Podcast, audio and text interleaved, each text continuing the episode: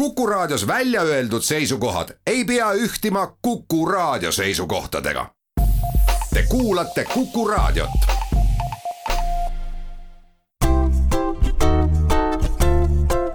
patsiendiminutid, Patsiendiminutid toob teieni Eesti Patsientide Liit tere, head Kuku kuulajad, mina olen Kadri Tammepuu ja Patsiendiminutid alustavad täna teeme me juttu ühest uuest võimalusest, äh, milleks on arst koju kutsuda.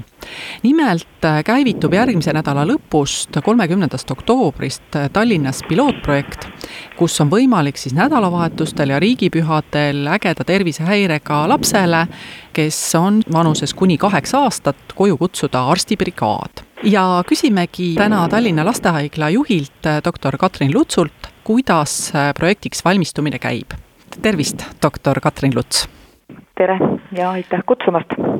võib-olla alustame sellest, et mida tähendab äge tervisehäire, kellele see võimalus siis täpsemalt loodud on?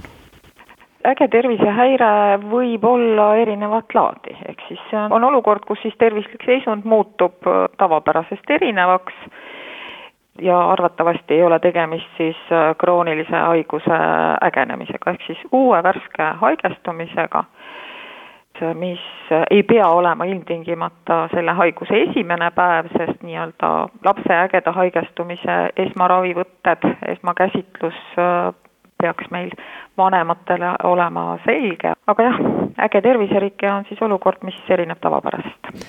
kui me püüame hästi lihtsalt selgitada äh, väikelaste vanematele, et et mille poolest siis äh, need tervisehäired omavahel erinevad, kui läheb vaja näiteks hoopiski kiirabi ja millal piisab siis tõesti sellest koduvisiidibrigaadist?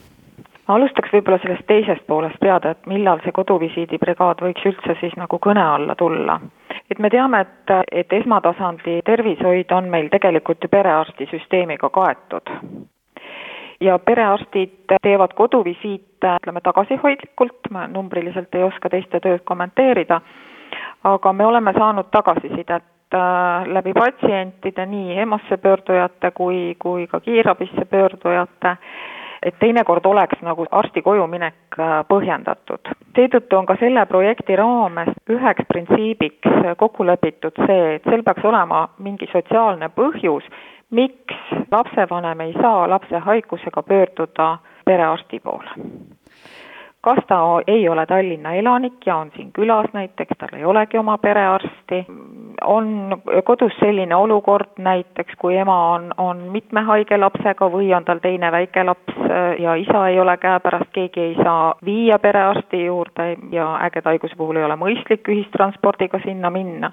ehk sellised sotsiaalsed probleemid, mis segavad perearsti juurde minekut nüüd kiirabi on, on ju tegelikult erakorraline abi ja peaks jääma ikkagi nendeks juhtudeks, kui lapse seisund vajab kohest käsitlust.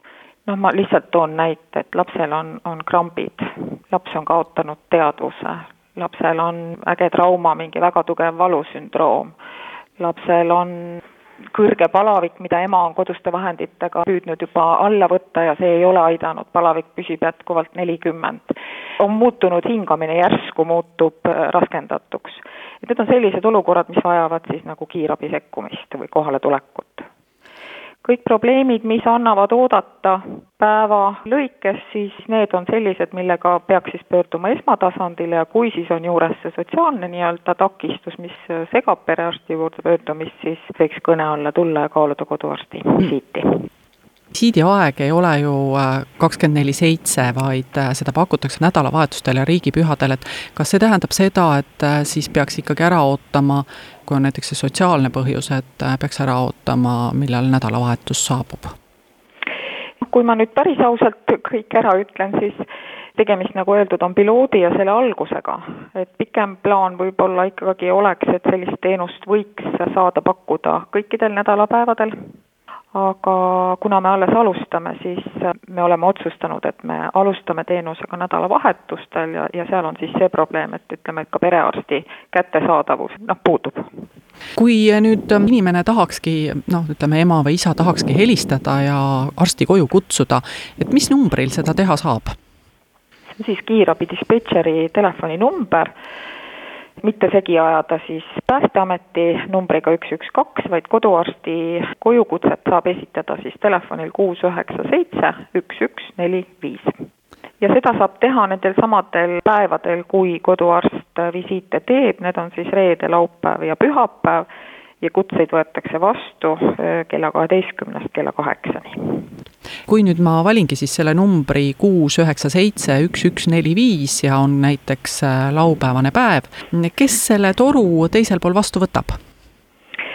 selle võtab vastu Tallinna kiirabi dispetšer ja temal on milline haridus temal saada? meditsiinilist haridust ei ole, ta kuulab ära probleemi ja tunneb huvi selle sotsiaalse poole pärast ja võtab siis kutse vastu kuna meil esialgu projekti alustades on ka mingisugused võimekuse piirid, siis me oleme täna hinnanud oma võimekuseks selle, et ühel päeval suudab koduarst külastada kümmet patsienti, ehk siis kui see kümme eh, saab mingisugusel kellaajal täis, siis järgmiseks päevaks me neid kutseid ette ei, kindlasti ei võta ja siis juba dispetšer ütleb ja soovitab kasutada teisi kohti, kust abi saada ja, ja need teised kohad on kõik ju endiselt olemas, see on perearsti nõuandetelefon, see on lastearsti nõuandetelefon ja noh, alati jäävad avatuks siis EMO ja, ja ka kiirabi. kas äh, lastearsti nõuandetelefonilt võib ka saada lapsevanem sellise soovituse, et äh, olge hea, pöörduge koduarsti brigaadi väljakutsumiseks äh, kiirabi dispetšeri juurde? Seda soovitust võib ju alati anda, aga ütleme niimoodi, et ma eeldan seda, et lastearsti soovitus on piisav selleks, et teha vahet, kas haige lapsega võib koju jääda ja ema saab ise hakkama nende soovituste alusel või ta siis vajab juba minekut EMO-sse või kiirabi kutsumist, aga muidugi, kui, kui see võimalus EMO-sse minekuks puudub või transpordi küsimus on, aga kiirabi ei ole vaja, siis see soovitus võib ka tulla lastearsti nõuandetelefonilt nii et äh, testperioodil võime siis arvestada, et umbes äh, kümme visiiti jõuavad arstid teha. kas see tähendab, et üks brigaad äh, on siis testperioodil, kes sõidab Tallinna piires? just, nii see on jah.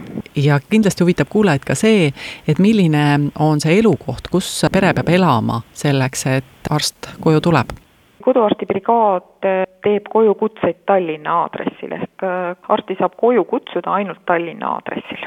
kui me näiteks võtame Pääsküla, siis see Pääsküla jõest läheb äh, linna piir, et ühel pool saab kutsuda ja teine pool, kus on juba laagri, see pere peab leidma teise võimaluse. jah, nii see on, just kes arstibrigaadi kuuluvad, noh, kui ma meenutan oma lapsepõlve, siis oli ju nii, et sai helistada lastepolikliinikusse ja arst siis äh, tuli lapse juurde koju. oli üks arst, brigaad justkui näitab, et äh, oleks tegu mitme inimesega kui me nüüd mõtleme, et see on kolm päeva nädalas ja kuus on neli nädalat, siis see teeb kaksteist päeva. et üks inimene seda kindlasti teha ei jõua, et seda teevad ikkagi arstid, kes teevad mujal oma põhitööd. Praegult äh, täidavad meil seda rolli erinevad arstid, nende hulgas on nii lastearste, nende hulgas on perearste, nende hulgas on ka üldarste kuna tegemist on tegelikult esmatasandi teenusega, ehk me räägime siis juhtudest, kui patsient nagu võiks või peaks minema perearsti juurde, aga mingil põhjusel ei saa sinna minna. Läheme siit korraks väikesele pausile, aga mõne minuti pärast jätkame. Patsiendiminutid. patsiendiminutid toob teieni Eesti Patsientide Liit stuudios on Tallinna Lastehaigla juht doktor Katrin Luts ja Kadri Tammepuu. me räägime järgmise nädala reedel startivast uuest võimalusest kuni kaheksa-aastaste laste vanematele kutsuda koju arst ja kuidas see arst siis kohale jõuab, kas ta tuleb ise oma autoga või äh, autojuht toob teda vilkuritega kiirabiautoga? Tegemist ei ole siis kiirabiteenusega ja seetõttu vilkureid ei kasutata, küll aga kasutatakse Tallinna kiirabi autobaasis olevat autot ja Tallinna kiirabis äh, töötavat äh, tehnikut, meditsiinitehnikut, see brigaad on kaheliikmeline arst ja meditsiinitehnik, kes siis täidab nii autojuhi rolli kui ka on vajadusel siis arstile abiks mis iganes kommunikatsiooniteemadel või muudel küsimustel kui brigaad kohale saabub, kuidas teie kogemus on, et mida kodus äh, täpsemalt teha saab? no ütleme, mingisuguseid uuringuid või analüüse läbi viia ei saa, et saab anda ainult hinnangut? ma arvan, et me tänaseks meditsiinis olemegi läinud liiga palju analüüside ja uuringute usku. mina veel mäletan seda aega, kui koduvisiit oli jaoskonnaarstile üsna tavaline osa tema tööst. me ei saa nagu alahinnata arsti läbivaatuse osatähtsust ja ülehinnata analüüside olulisust võin öelda meie enda kogemust Tallinna Lastehaigla erakorralise meditsiini osakonnas, mille tööd me aeg-ajalt analüüsime, ja selle alusel võin öelda, et meie EMO-sse pöördujatest, keda ei võeta haiglasse ehk kes lähevad EMO-st koju tagasi, nendel patsientidel alla pooltel juhtudel on peetud vajalikuks EMO-s teha analüüsi või mingit uuringut. Ehk siis arsti läbivaatus, hea kontakt vanemaga, et saada nii-öelda haiguse kulu kohta adekvaatne informatsioon, siis see on väga suur väärtus ja seda peab usaldama. muidugi ei saa välistada, et nende koduarsti visiitide hulgas on juhte, kus koduarst peabki vajalikuks, et, et analüüsi on vaja teha ja kui analüüsi vajalikkus ilmneb, et seda on vaja just nimelt tänasel päeval teha, siis see haige suunataksegi EMO-sse. kuidas see suunamine käib, kas äh, siis kutsutakse kohe välja kiirabi või seesama auto viib lapse haiglasse? Kuna see auto noh, on üks auto ja teenindab kogu linna, siis tõenäoliselt meil sellist aega ei ole, et siis pigem jääb meil kiirabi variant, kui siis patsiendil endal puudub see võimalus ja tõenäoliselt ta puudub, kui ta koduarsti välja kutsus Te rääkisite, et äh, aeg-ajalt uurite, et kuidas äh, vanemad äh, EMO-sse satuvad oma lastega ja, ja milliste probleemidega. kui palju täna keskmiselt näiteks Tallinna Lastehaigla EMO-s lapsi käib? Ma rõhutaksin, et täna on totaalselt teistsugune olukord, kui on olnud varasematel perioodidel, ehk siis ajal ilma Covidita. ja ajal ilma Covidita on meie viimase kümne aasta numbrid olnud üsna stabiilsed. meil käib argipäeviti meie EMO-s keskmiselt seitsekümmend kuni kaheksakümmend patsienti ööpäevas, nädalavahetustel on see protsent paarikümne protsendi võrra suurem ja muidugi see number nii-öelda hooajati erineb, et suvel on pöördumiste arv väiksem ja tipphooajal haigestumise ajal küünib see pöördunute arv meil ikka saja kahekümne juurde. kui palju on siis umbes neid lapsi ja peresid, kes tulevad EMO-sse, kuigi tegelikult võib-olla nad sinna tulema ei peaks, kui oleks neil võimalik nõu saada mingil muul moel? Ma ei saa selget äh, punast joont tõmmata, kui palju see nüüd täpselt on, aga võin öelda seda, et meie EMO-sse pöördujatest kakskümmend kuni kakskümmend viis protsenti võetakse pöördumise järgselt haiglasse sisse. mis ei tähenda üldse seda et, et kaheksakümmend protsenti on pöördunud EMO-sse asjatult, sest suur hulk nendest äh, läheb koju peale seda, kui arst on määranud äh, ravi.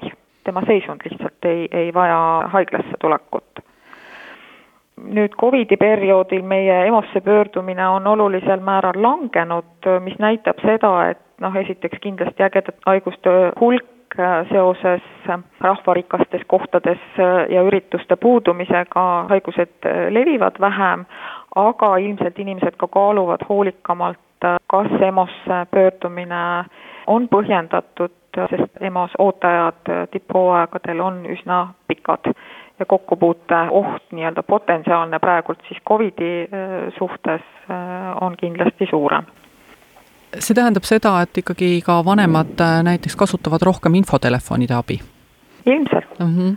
praegu on meil ikkagi Covidisse nakatumise numbrid jälle päris kõrgel ja, ja kuidas te ütlete, et kui nüüd arst tuleb koju, et ähm, sellega koos ei saabu peresse ka koroonaviirus koroonaviiruse nakatumine võib olla ju kahepoolne, eks ole, et äh, me eeldame, et arstid siiski lähtuvalt oma ametist on nii palju teadlikud, et teavad oma kontakte ja teavad oma tervislikku seisundit, ehk siis haigena arst ei, ei lähe kellelegi koju. teiselt poolt kutset vastu võttes Covidi suhtes teatud küsimusi dispetšer kindlasti perele esitab ehk äh, arst saab siiski nii-öelda küsitluse järgi aimu, kui suur on risk, et seal peres võiks olla Covid infektsioon liikvel. nüüd selleks, et arsti igal juhul kaitsta, aga noh, siis kaitsta teiselt poolt ka kindlasti peret, äh, arst külastades kodu kannab siis isikukaitsevahendeid, see tähendab siis kitlit, maski, sinna juurde käib muidugi käte desinfektsioon ja neid isikukaitsevahendeid vahetatakse siis iga külaskäigu järgselt. Nii et nii ei ole nagu haiglas praegu, et kui arst tuleb koju, siis ta annab ühtlasi ette ka pereliikmetele maskid? lapse puhul on see üldse küsitav, eriti väikeste laste puhul, nende nakatumine Covidiga on ju väga madal teadaolevalt teiseks, enamasti laste puhul on tegemist hingamisteede nakkustega, kus arst peab kindlasti ka neeluringi vaatama, ehk siis suud avama, ehk siis mask ei, ei võimalda ka korralikku läbivaatust aga kui nüüd äh, korraks veel ette vaadata, et äh, kui pikalt te plaanite seda projekti testida, et millal te võiksite öelda, et nüüd me oleme targemad ja nüüd me saame teha püsivamaid otsuseid? Me kavatseme omavahel selles projektis osalejad kindlasti kokku tulla esimese, peale esimest kuud, kui projekt on äh, toimunud. Ja esialgu on siis projekti kestus kindlasti planeeritud selle aasta lõpuni, aga me oleme valmis seda projekti jätkama ka, ka järgmisel aastal, aga need otsused siis tulevad peale esimeste tagasisidete ja kokkuvõtete tegemist selle aasta lõpul. ja nagu ma aru saan, siis äh, siin praegu hetkel paneb kogu projektile õla alla rahalises mõttes Tallinna linn, mitte Haigekassa jah, finantsilises mõttes on tegemist puhtalt Tallinna linna projektiga ja ütlen siia veel juurde ka nii palju, et pilootprojekt äh, juba nimigi eeldab seda, et me peame paralleelselt oma selle tööga, ütleme siis, kogume mõõdikuid, näitajaid, analüüsime oma tööd, et siis teatud perioodi järel teha mingisuguseid järeldusi, noppida välja kitsaskohti, tõestada, et see teenus on vajalik või vastupidi, võib-olla me jõuame järeldusele, et seda teenust ei ole üldse vaja. selge. ja neile kes võib-olla ei suutnud nüüd kõike meelde jätta, kus te plaanite selle projekti kohta infot anda, et, et saaks lugeda, kuhu helistada ja, ja millal telefon vastu võtab?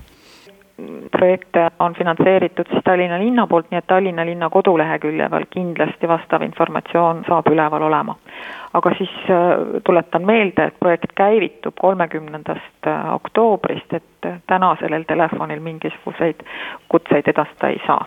ehk siis täpselt nädala pärast saab siis helistada alates kella kaheteistkümnest numbrile kuus üheksa seitse üks üks neli viis ja vajadusel siis arutada siis Petšeriga, kas on vaja arst endale koju kutsuda. suur aitäh, doktor Katrin Luts, Tallinna Lastehaigla juht, täna arsti koju kutsumise võimalusest rääkimast ja suur tänu ka kuulajatele.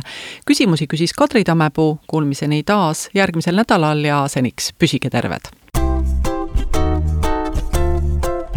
patsiendiminutid. patsiendiminutid toob teieni Eesti Patsientide Liit